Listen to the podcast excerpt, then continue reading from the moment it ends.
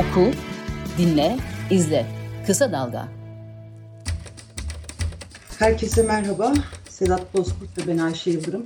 Bir yayınla daha karşınızdayız. Gündemi konuşacağız ama önce yeni kaybettiğimiz İsmet Demirdoğan'ı anarak başlamak istiyorum Sedat. Ee, senin de benim de birçok gazetecinin çok yakından tanıdığı çok değerli bir dost, arkadaş, gazeteci ama insan, bir insan, çok değerli bir insanı kaybettik. Çok ani bir ölümdü. Hala inanamıyorum. Ee, çok büyük bir yara bıraktı bizde İsmet bu erken gidişiyle. Sırtımızda da başka büyük bıraktı. Onun kalemi de artık bizim kalemimiz olacak. Ee, onun yeri tabii ki doldurulamaz ama hem bu acıyla yaşayıp hem de onun yapmaya çalıştığı şeyi biz de devam ettir ettirmeye çalışacağız. Ama bir kez daha hem sevenlerin hem de ailesinin başı sağ olsun ve sabır diliyorum. Evet yani İsmet benim de çok e, eski arkadaşım, dostum, aynı zamanda da abimdir, büyüğümdür, meslek büyüğümdür de. E, ilkeli bir gazetecidir, e, inatçıdır. Huysuzluğu da bundan kaynaklanır zaten. E, eğilip bükülmediği için e, bu dönem e, çok popüler isimler arasında e, yer almadı. Kendi tercihiydi bu. E, uzun yıllar meslek örgütlerinde başkanlıkta yaptı, yöneticilikte yaptı. Sıradan üye olarak mücadele de etti. E, mesleki olarak basın özgürlüğü anlamında iyi mücadele etti. Yani küçümsenmeyecek kazanımlar elde ettik onun, onun döneminde, onun başkanlığında. Yani çok büyük bir eksik. Çok ağır geldi yani bu kayıp gerçekten bugün işte cenaze törenindeydik. 20 küsur yıldır falan görmediğimiz arkadaşlarımızla görüştük. Bütün herkesi bir araya getirdi. İsmet yaşarken de yapardı bu işleri. Ölümüyle de bütün eski arkadaşlarımızı, bütün eski meslektaşlarımızı bir araya getirdi. Hep bir arada olduk. O da ilginç bir duyguydu. Çünkü çok kopmuşuz birbirimizden. Yani herkes bir yere savrulmuş vaziyette. Yani tam 12 Eylül'ün yenilgisini hissettiğimiz dönemleri anımsatan bir birliktelikti bizim de aslında. Tüm medyanın, bütün odaları, o daktiloların, klavyelerin başları boşaltılmış vaziyette ya da başka birilerine geçmiş vaziyette. O işi yapması gereken insanların hepsi bir yerlerde, ilgisiz yerlerde bırakıp gitmişler. Çoğu hasta, canının derdine düşmüş. İsmet de böyleydi aslında. Yani bir kıymetti. İşte Artı TV bir dönem ekranını ona açmıştı. O, orada birikimin, donanımını işte bir gazetecinin büyük sermayesi olan ilişkilerinden elde ettiği bilgileri aktarıyordu. Bundan da kısmen keyif alıyordu aslında ama yeterli değildi İsmet için. Yani İsmet'ten hem memleketin hem de genç gazetecilerin çok daha faydalanması lazımdı bu zeminler ona e, bu zeminlerden ayrı tutulmamalıydı. Yani en büyük sansür habercilerin e, ürettikleri haberleri ya da ürettikleri düşünceleri yayınlayabilecekleri zeminlerden e, onları uzak tutmaktır. E, bir gazeteciyi siz işten attığınız zaman sadece bir gazeteci işten atmıyorsunuz. O gazetecinin üreteceği haberlerle, fikirlerle haberdar olacak, fikir sahibi olacak insanların da haber ve fikir alma özgürlüğünü engelliyorsunuz. Türkiye'de bu yaşanıyor. Ee, ya İsmet çok ani gitti. Ee, bir buçuk iki aylık bir süreç içerisinde gitti. Evet. Ee, yani hem erken gitti hem çok acele gitti. Çok iyi bir babaydı. Onun da o da bir altını çizeyim. Yani benim e, kız babalığı modelimdi yani. Çok düşkündü. Hem oğluna da çok düşkündü, kızına da çok düşkündü. Acayip bir babaydı yani. Öyle kelimelerle ifade edilemeyecek bir babaydı yani ne demek lazım? E, yaptığı yer incinmesin. Evet. Anacağız onu sık sık anacağız. Öyle gözüküyor. Anacağız ve arayacağız. Boşluğu hakikaten olmayacak. Şimdi Sedat e, artık kesinleşti. Seçim 14 Mayıs'ta hep diyorduk olur mu olmaz mı olur mu olmaz mı? Erdoğan nihayet e, açıkladı 14 Mayıs'ta olduğunu YSK'da kabul etti. Fakat şu çok biz daha önce de konuştuk ama dikkat çekici bir şey. Yani neden 14 Mayıs? Ee, yine söylediği şeyler hani e, neden 14 Mayıs olduğuna dair sıraladığı şeylere bakınca işte üniversite sınavı, haç takvimi, okulların tatili diyor. Ama biz biliyoruz ki daha önce de hani, üniversite sınavı sırasında okullar tatilken seçimler oldu. E haç takvimi de seçimleri etkileyecek yani seçim sonuçlarını etkileyecek kadar büyük bir e, insan e, şeyinden söz edilmiyor burada. Bir türlü dolduramıyor. Neden 14 Mayıs şeyini? Hatta şöyle bir şey de söyledi 14 Mayıs'ı neden 14 Mayıs aldıklarını söylerken işte ülke gündeminden seçimin artık çıkması lazım. Hem e, seçim gündemde kaldığı sürece siyasi belirsizliklerin yanı sıra deprem yaralarının sarılması da zorlanacak dedi.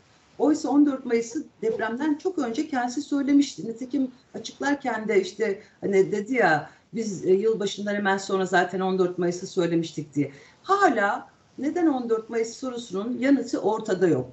Ve hala e, benim aklımdaki o soru şey değil. Yani ne bekliyor bizi? Neyi düşünerek, neyi hesaplayarak 14 Mayıs'ta bu kadar ısrar ediyor? Tabii ki seçim olsun, elbette bir an önce olsun istiyoruz ama buradaki hesap hani hep saray ne planlıyor şeyi kafamın bir tarafında duruyor. Sen e, bu sorunun yanıtını alabildin mi? En azından Erdoğan'ı dinlerken alabildin mi? Ya ben dinlemedim. dinledim. yani bugün bugün ki bugün e, travma şeyimiz doluydu. Evet. O yüzden hiç dinlemedim. 14 Mayıs'ta ısrarcı olmasını biliyorsun işte e, kısa dalga de yazmıştım. Kalp gözü açık hocalar. O kadar basit. Bu kadar basit değil aslında. Yani ben de bu kadar basit ifade etmeyeyim. Bir e, plan yaptı. Bu plan 3-4 aylık. E, bu plana göre dövizi tutacak, faizi tutacak, piyasadaki paranın çoğalmasını sağlayacak, insanların alım gücünü sağlayacak ve bu Mayıs 14'e kadar ancak bunları yapabiliyor. Yani Haziran 18'e kadar yapamıyor elimizdeki e, veriler ışığında yaptığımız değerlendirmeyle. Bunu görüyoruz. Oysa ki orada bir aylık bir fark var. Yani çok rahat yaparsınız bu işi. Niye bu tartışmalara e, mahal veriyorsunuz? Gereksiz bu tartışmaların bir anda öznesi oluyorsunuz. E, söylediği gerekçelerin hiçbiri doğru değil. Yani onu uzun uzun anlatmaya gerek yok. Yani bir beş yıl önceki seçimi 24 Haziran'da yaptık. E, Ramazan'da da bu ülkede seçim yapıldı. Temmuz ayında da, Ağustos ayında da mevsimsel şartlar e, bir e, bir ay önceye almaya gerektirmiyor. Kaldı ki gerçekten bir ay önceye almak gibi bir şartınız varsa, bir zorunluluğunuz varsa bununla muhalefeti çok rahat ikna edebilirdiniz ve bir ay önceye alabilirdiniz. Bir erken seçim kararı alırdınız ve kendinizin de aday olmanın önündeki şeyi de aşardınız. Burada e, Erdoğan tartışmaları dağıtıyor.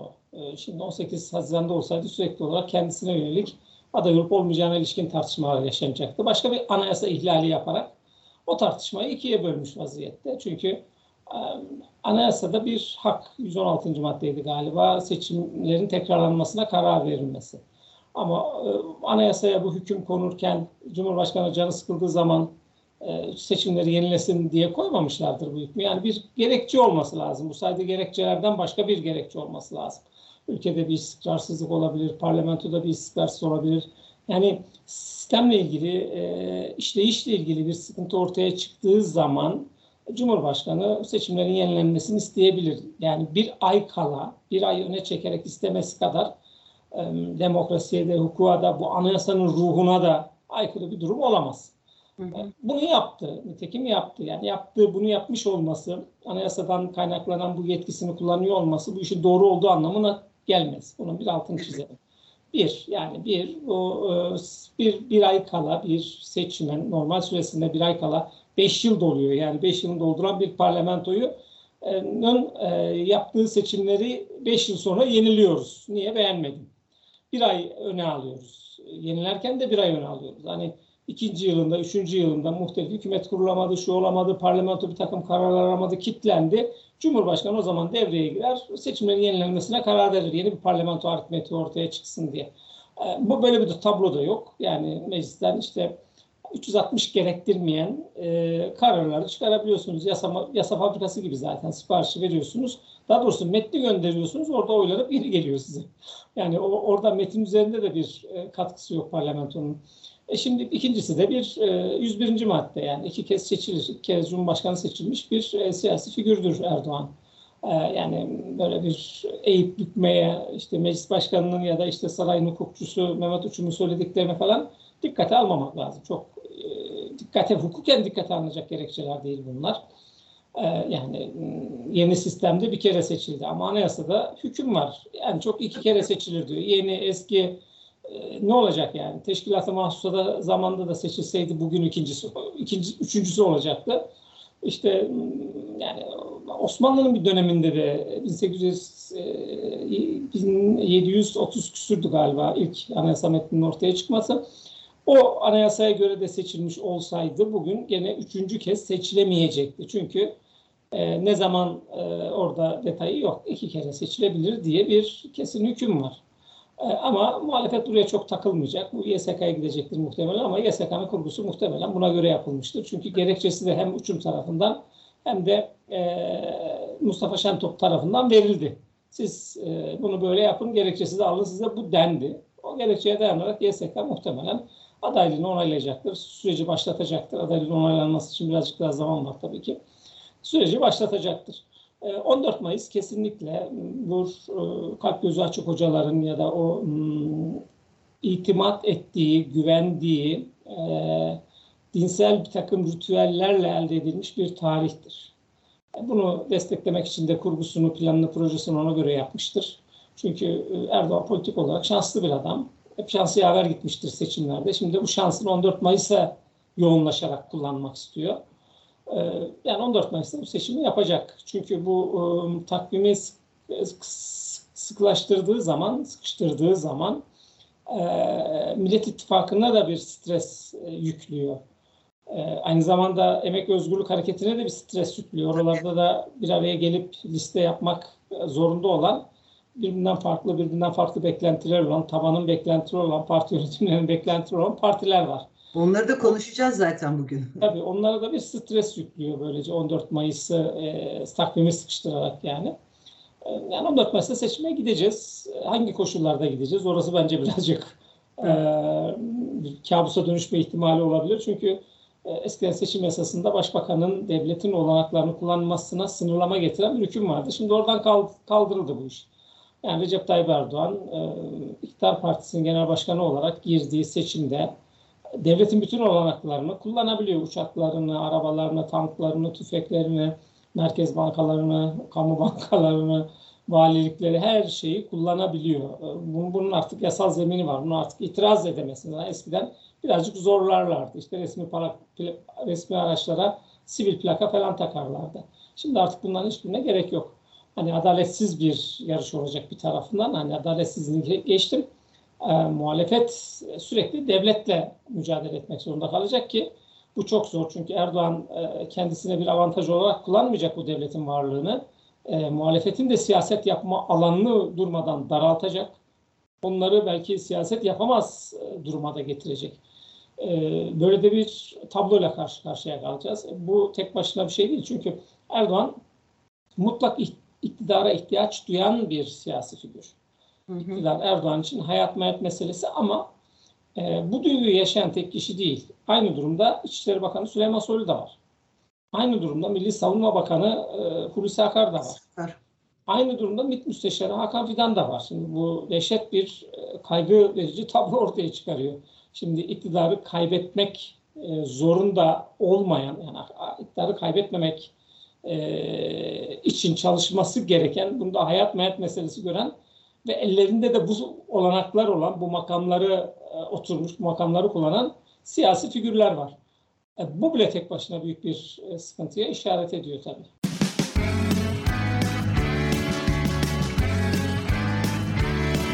Kulağınız bizde olsun. Kısa Dalga Podcast.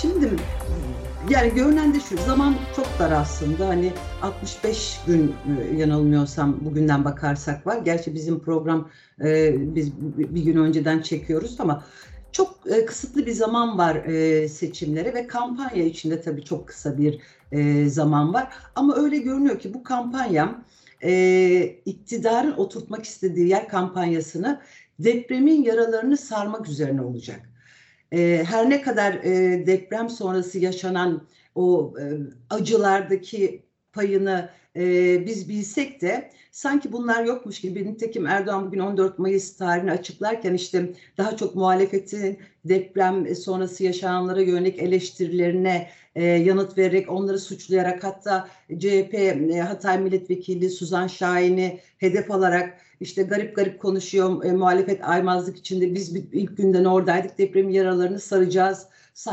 ilk günden beri sarmaya çalışıyoruz diye buraya oturtuyor. Belli ki nitekim Sağlık Bakanı Kocadağ'da bugün açıkladı işte o, o, o depremden etkilenen 11 bine 11 ile 12 bin 700 hekim, uzman hekim atanacağını açıkladı. Buraya oturtmaya çalışacak. Öyle görünüyor. Diğer yandan tabii bu muhalefeti başka türlü etkileyecek. Sadece deprem üzerinden e, bir e, kampanya yürümesi iktidarın şimdiye dek toplumda yarattığı o yaraları, yolsuzlukları, hırsızlıkları, adaletsizliği falan görünmez kılacak diye bir endişe de var. Bir yanıyla tabii ki bu endişeye katılıyorum ama e, bir yanıyla da şöyle bir şey var işte bugün müziksiz bir kampanya olacağını söyledi deprem nedeniyle hatta işte AKP'den milletvekili adayı olacak insanlardan alınacak paraların da AFAD'a verileceğini söyledi. Şimdi bir yanıyla da bu müziksiz kampanya tabii ki Türkiye çok büyük bir acıda müziksiz kampanya olabilir mi? Elbette olabilir ama şöyle eleştiriler de geliyor. Hani muhalefetin özellikle Millet İttifakı'nın e, oluşturduğu e, Kılıçdaroğlu'nun adaylığında artık kesin o, biliyoruz mitinglerinde yaratılacak coşkuyu gölgelemek, e, onun toplumda yaratacağı psikolojinin önüne geçmek için de bir müziksiz e, kampanya e, kararı alındığı yönde e, bir yanıyla katıldığım eleştiriler de var. Ne diyorsun? Hem bu deprem üzerine oturulmasına kampanyanın öyle görünüyor. Muhalefet uyar mı uyumaz mı bilmiyorum tabii. Muhalefetle ayrıca konuşmamız lazım ne yapacak diye. Diğer yanıyla bu müziksiz kampanya meselesine. Muhalefet de bu deprem meselesinden eline ayağını çekmiş değil. Bugün Kemal Kılıçdaroğlu Ankara Büyükşehir Belediye Başkanı ile birlikte kurmaylarında bir kısmı var. E, demek ki oralardan buralara gelmeyecek seçim boyunca. E, çünkü gittiği zaman e, Kemal Kılıçdaroğlu'nun gezilerinde kameraların tanıklık yaptığı öykülerle Erdoğan'ın anlattıkları örtüşmüyor. Erdoğan'da bir öykü yakalayamıyoruz. Çünkü bir e, kameralara yansıyan görüntülerde çocuklara yahaçlık veriyor ya da işte Devlet Bahçeli ile beraber gidiyor. Devlet Bahçeli birilerini azarlıyor.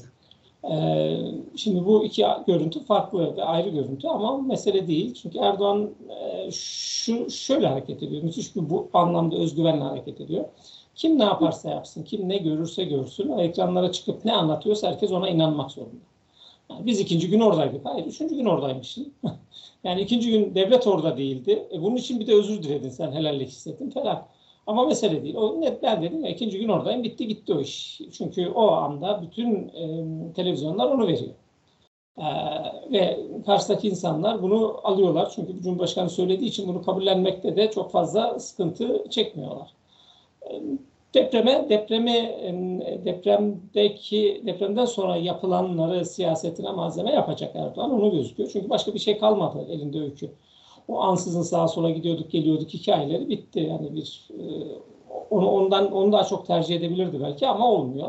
Ekonomi de çok fazla düzelmiyor. Yani enflasyon için yıl sonuna kadar hedefledikleri e, oranı yani herhalde dördüncü ya da beşinci ayda biz yakalayacağız. Öyle gözüküyor.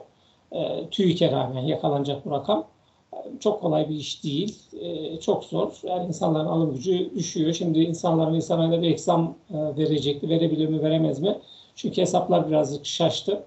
Ama bir taraftan hesaplar şaşarken bir taraftan hani politik olarak şanslı bir figür olduğu için Erdoğan öbür taraftan da deprem için bol miktarda e, para elde edildi ve en çok sevdiği iş olan inşaata ayırabilecekler bu parayı. E, ülkenin muhtelif yerlerinde bir e, yani gene işte depremin olduğu yerlerde şimdi işte TOKİ'nin e, pek çok ihale yaptığını duyuyoruz. Çiğdem Toker arkadaşımız yazıyor. Şu anda 50 milyarlık, 50,5 milyarlık 24 bin konutluk ihale yapılmış. Şimdi bu inşaatlar nereye yapılacak, nasıl yapılacak buna meslek örgütlerine sordunuz mu? İşte bir e, kent plancılarına, e, çevre mühendislerine, e, jeoloji mühendislerine, mimarlar odasına bunları sordunuz mu? Hayır. E, işte biz, bulduk bir yer yapacağız orayı. Mesele değil çünkü seçime kadar ihtiyaç şu bir, o molozlar e, har, harfiyat tamamen kaldırılacak. O acıları çağrıştıran görüntüler ortadan kaldırılacak. Onun yerine ikişer üçer katı çıkmış binlerce inşaat olacak e, kendilerinin sunacağı ya da kendilerinin yer alacağı fotoğraf karesinin içinde. Bunun üzerine bir siyaset inşa edecek iktidar öyle gözüküyor. Ellerinde başka bir malzeme olmadığını görüyoruz. Ee, hani sıkıntıları da var. Çok da gergin e, külliye. O yüzden muhtelif ittifak e, arayışları içinde. E, müziksiz yaparak da kendisi bir şey anlatmak istiyor zaten e, Erdoğan. Yani, hani müziksiz yapacağım dedi diye e, herkes e, yapacağı beklentisine kapılmasın. E, anlıktır, konjonktürdür Erdoğan'ın ne yapacağı, ne söyleyeceği. E, zaten çok müziğe falan ihtiyacı var mı? Hani mitinglerde kitleleri birazcık da havaya sokmak için müzik devreye sokulur. Ee, burada çok havaya sokacak kitle ihtiyacı yok. Çünkü valilikler kanalıyla ya çevre illerden devletin olanaklarıyla oraya toplama insanlar geliyor. Ee, yani işte Sivas'taki MHP'nin mitingine Aydın'dan gelen MHP teşkilatı vardı. Hani çevre illerden gelir de e, oralardan getirilen insanlar var. E, toplama kalabalık olduğu için çok böyle coşkuya da ihtiyaç yok. Ama muhalefet buna mutlak uyacaktır. Tabii muhalefet burada senkronize ve sistematik bir şekilde nasıl çalışacağının çalışmalarını yapıyor. Kolay değil. Altı ayrı parti. E, şimdi Büyükşehir Belediye, Ankara Büyükşehir Belediye Başkanı'nı alarak gittik Kemal Kılıçdaroğlu. Evet. Bir sonrakinde belki İstanbul alacak. Bir sonrakinde iki üçünü alacak ama ondan sonra mecburen e, Millet İttifakı'nın bileşenlerinden ya temsilciler alacak ya genel başkanlarını alacak nereye gidiyorsa. Onlarla beraber e, sürdürecek çünkü bu e, seçim çalışmalarını, propaganda çalışmalarını. Yani şey ilginç bir dönem göreceğiz. Çünkü bu CHP Genel Başkanı ile ilgili bir suikast iddialar da var tabii. Evet. Bunları konuşmak bile zul ama e, dile getiriliyor. Dile getirildiği zaman da hepimizde bir korku kaygı e, yaratılıyor. Çünkü memleket şu hale geldi. Olmaz dediğimiz her şeyin olduğu bir memleket haline geldik. E, bir de her türlü operasyona açık bir memleket burası. Yani ülkenizdeki e, işte İstiklal Caddesi'ndeki saldırıda da bunu gördük. Hemen e, Amerika'ya İçişleri Bakanınız meseleyi bağladı. Hemen öbür taraftan da PKK'ya bağlandı kolaycılık olsun diye. Ama arkasından başka bir şey çıktı. İşit çıktı. İşit bağlantıları çıktı ama iddianamede baktık bağlantılara yer verilmiyor. Şimdi böyle bir e, tabloyla karşılaştığınız zaman siz e, gerçekten ülkenizde bir eylem yapıldığı zaman bunu gerçekten Amerika mı yaptı, Rusya mı yaptı, PKK mı yaptı, IŞİD mi yaptı, DHKPC mi yaptı diye kafanızda resmi makamlar açıklamalar yapsa bile soru işareti kalır. E, bu nedenle memleket böyle bu gibi operasyonlara, bu gibi provokasyonlara çok çok çok açık bir ülke haline geldi. Umarım yaşamayız. Ben çok fazla iddialı bir cümle de olabilir ama ihtimal vermiyorum buna. Vermek de istemiyorum. Başka bir şey ama çok ihtimal de vermiyorum. Sadece yani, korku mu yaratmaya çalışılıyor? Çünkü e, şöyle bir şey var yani Kılıçdaroğlu daha önce söylemişti bunu hani e, 418 milyar doların peşine düştükten sonra işte suikast tehditleri alıyorum yani tehditler aldığında söylemişti. İşte Ülke Ocakları eski genel başkanı televizyonda e, duyum aldığını adres vererek yani bir e, mafya grubuna e, bu işin yaptırılmak istendiğini Cumhurba Cumhurbaşkanı adayı Kemal Kılıçdaroğlu bir suikast girişimi olabileceğini söyledi. Bugün Özgür Özel aynı şekilde duyumlar aldıklarını söyledi. Şimdi tabii e, hani e, e, hükümet kanadından bu konuda bir şey gelmiyor. Yani böyle bir şeye asla izin verilmez. Tabii ki gerekli önlemler alınmıştır diye ama korku mu yaratılmak istiyor? Tabii ki konuşmak bile bunu çok ağır keşke konuşmasak ama böyle gerçekçi bir şey varken muhalefete mi korku veriyor? Yani yeniden bakın bir kaos ortamı yaratılabilir. Aman ha sakın durun işte bu düzen sürsün yoksa bu ülke karışır korkusunu yaratılmak istenen bir durum mu? Ya hepsi olabilir. Ee, gerçek de olabilir tabii ki canım. Yani bu bunu bu seçeneği yok saymayı da ıı, çok ıı, şey yapmamak lazım, normalleştirmemek lazım. Olabilir. Çünkü niye? Bir 7 Haziran 1 Kasım pratiğimiz var. Evet. Ee, çünkü bir güvenlik kaygısı duyduğunuz zaman siz e, ekonomik kaygılar hatta depremin yıkımından daha etkin bir kaygıya e, sizi sevk ediyor. E, ve o zaman en çok güvenilir yer, en çok güvenilen çatı neyse oraya atıyorsunuz kendinizi. Nitekim o zaman devleti temsil eden İktidar Partisi'ni attılar. 6 ayda %20 oy oranı arttı. Yani herhangi bir siyasi başarı olmaksızın, yeni bir siyasi vaadi olmaksızın e şimdi e, bu korku kaygı iklimi siyaset siyaseten kendilerine yarar mı? Emin değilim. Onlar da çok emin değiller. Tam tersi bu kadar olumsuzluğun üstüne ufak bir olumsuzluk ve Z raporu gibi bütün olumsuzlukları fatura ederek iktidarın önüne koyar. Yani bu nedenle bu tip olayların olmasını en son isteyecek siyasi yapı bugün siyasal iktidardır. İktidar partisidir, AK Parti'dir. MHP'den çok emin değilim çünkü onun niyetlerini bilemiyoruz yani. Ee, yani işte Bursa'daki maçtan sonra yaptığı konuşma e, o niyet konusunda birazcık ipucu veriyor ve o niyet iyi bir niyet değil yani onu da görüyoruz. Ee, tabii o nedenle yani bir korku kaygı iklimi yerine çünkü 21 yıldır iktidarda e, Erdoğan ve AK Parti ve iyi bir ülke haline getirdiğini e, sat, satacaklar bu seçimde. 20 yıl sonra hala güvenlik kaygısı duyulan, insanların can güvenliğinin olmadığı, mal güvenliğinin olmadığı bir ülke fotoğrafıyla seçmenin karşısına en son çıkmak isteyeceklerdir tabii. Ama e, burada tabii ki bir e, hani uluslararası dengeler de var ve siz uluslararası dengelerde çok fazla e, zikzaklarınız var. E, durmadan insanların da çok e, ne demek lazım? E, tırnak içinde kızdırdınız e, muhtelif nedenlerden dolayı. E, sizin ülkenize dış kaynaklı bir operasyon çekebilirler mi? E, çekebilirler. E çünkü niye? İşte biraz önce söyledim. Ülkenizdeki silahlı e, terör örgütlerinin e, eleman sayısını, yapılarını, niyetlerini e, bilemiyorsunuz, kestiremiyorsunuz ya da ne kadarı sizin kontrolünüzde. Çünkü yanı başınızda dünya kadar eli silahlı ve canı sıkıldıkça e, insan öldüren e, terör örgütleri var. Ve bunlar bir şekilde Türkiye'ye girip girip çıkabiliyorlar. Yani e, takip edebiliyor musunuz? Ne kadar takip ediyorsunuz? Bunların hepsi tabii şey sizdeki kaygıyı e, arttırıcı etkenler. Ama söylediğim gibi ben hala devlet kurgusunun büyük bir kılımını, kısmını özellikle güvenlik olmak üzere söylüyorum. Bunlara çok kolay kolay izin vereceği şeyinde değilim, kanaatle değilim. Çünkü izin verirse artık bunların nereye varacağı belli olmaz. Yani şu sağduyuyu kaybetmemek lazım. Bursa'daki mesele üzerinden söylüyorum bunu. Evet e, stada hepimiz girdiğimiz zaman lümpenleşiriz. Statlar çünkü lümpenliği kaldıran mekanlardır. E, varlık nedenleri de odur. Onlar eğlence mekanları çünkü. E, o statlarda o kıvama gelmiş insanları o stadın dışına götürmek için iki kişi yeterlidir. Ve ondan sonra o iki kişinin nerede, nasıl duracağını, ne yapacağını e, hiç kimse kestiremez. Evet doğru söylüyorsun. Şimdi zamanımız azaldı ama şunu konuşalım isterim. Yani e, Hani Millet İttifakı'nda biz ne yaşadık o, o başka bir şey. Onu belki sonra çok daha uzun konuşuruz ama şimdi e, HDP meselesini konuşmamız lazım. HDP'nin e, büyük olasılıkla işte HDP'li Kemal Kılıçdaroğlu bir görüşme yapacak zaten. E, ve büyük olasılıkla da Kılıçdaroğlu'na oradan bir destek çıkacak ama şöyle bir durum var tabii yani Anayasa Mahkemesi'nin ver, verdiği yeni karar. İşte sözlü savunma için HDP 3 ay bir e, erteleme istemişti. Bir ay e, erteleme verdiler. 14 Mart'ta 11 Nisan'a aldılar. E, diğer yandan HDP'ye konulan e, e, e, devlet diğer hazine yardımına konulan blokey kaldırıldı. Ama şimdi hala soru işareti duruyor.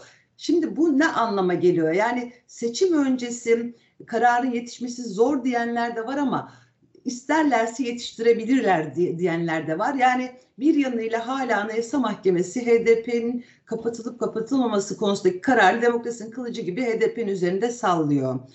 Yani buradaki hesapla biz bunu nasıl okuyacağız?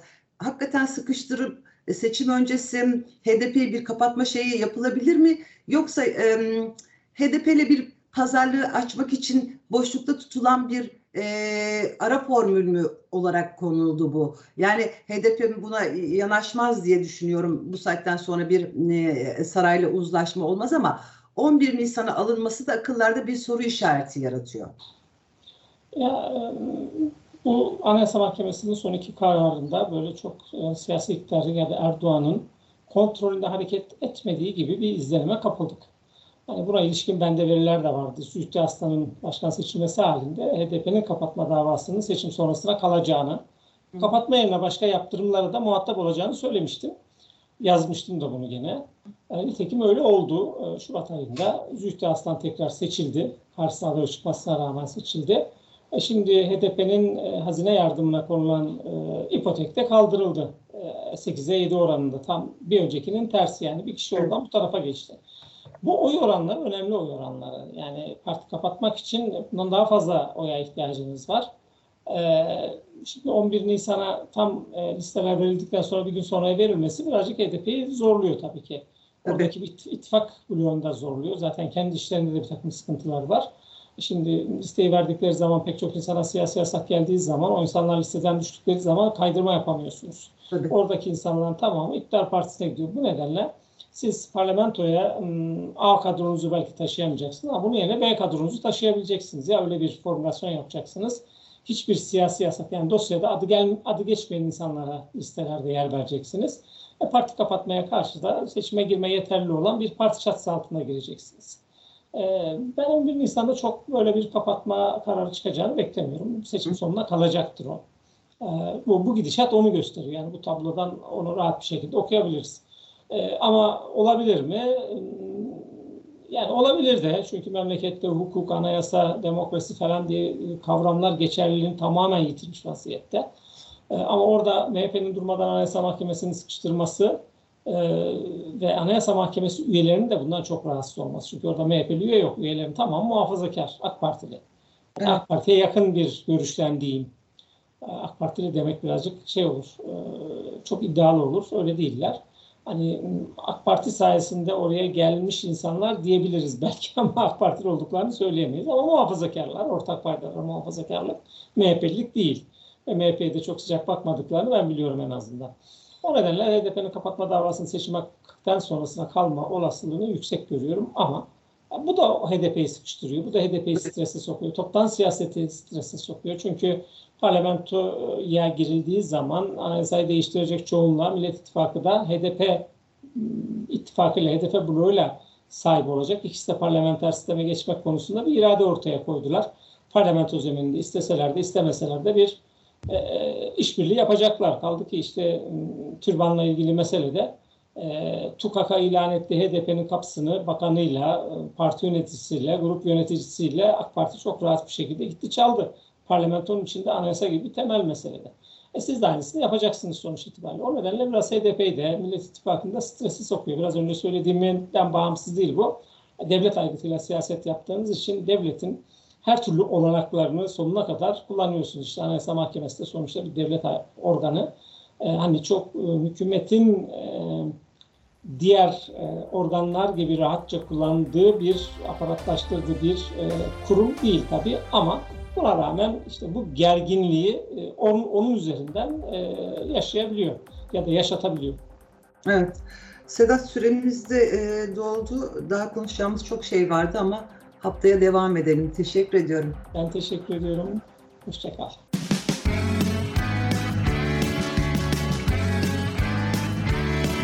Kulağınız bizde olsun. Kısa Dalga Podcast.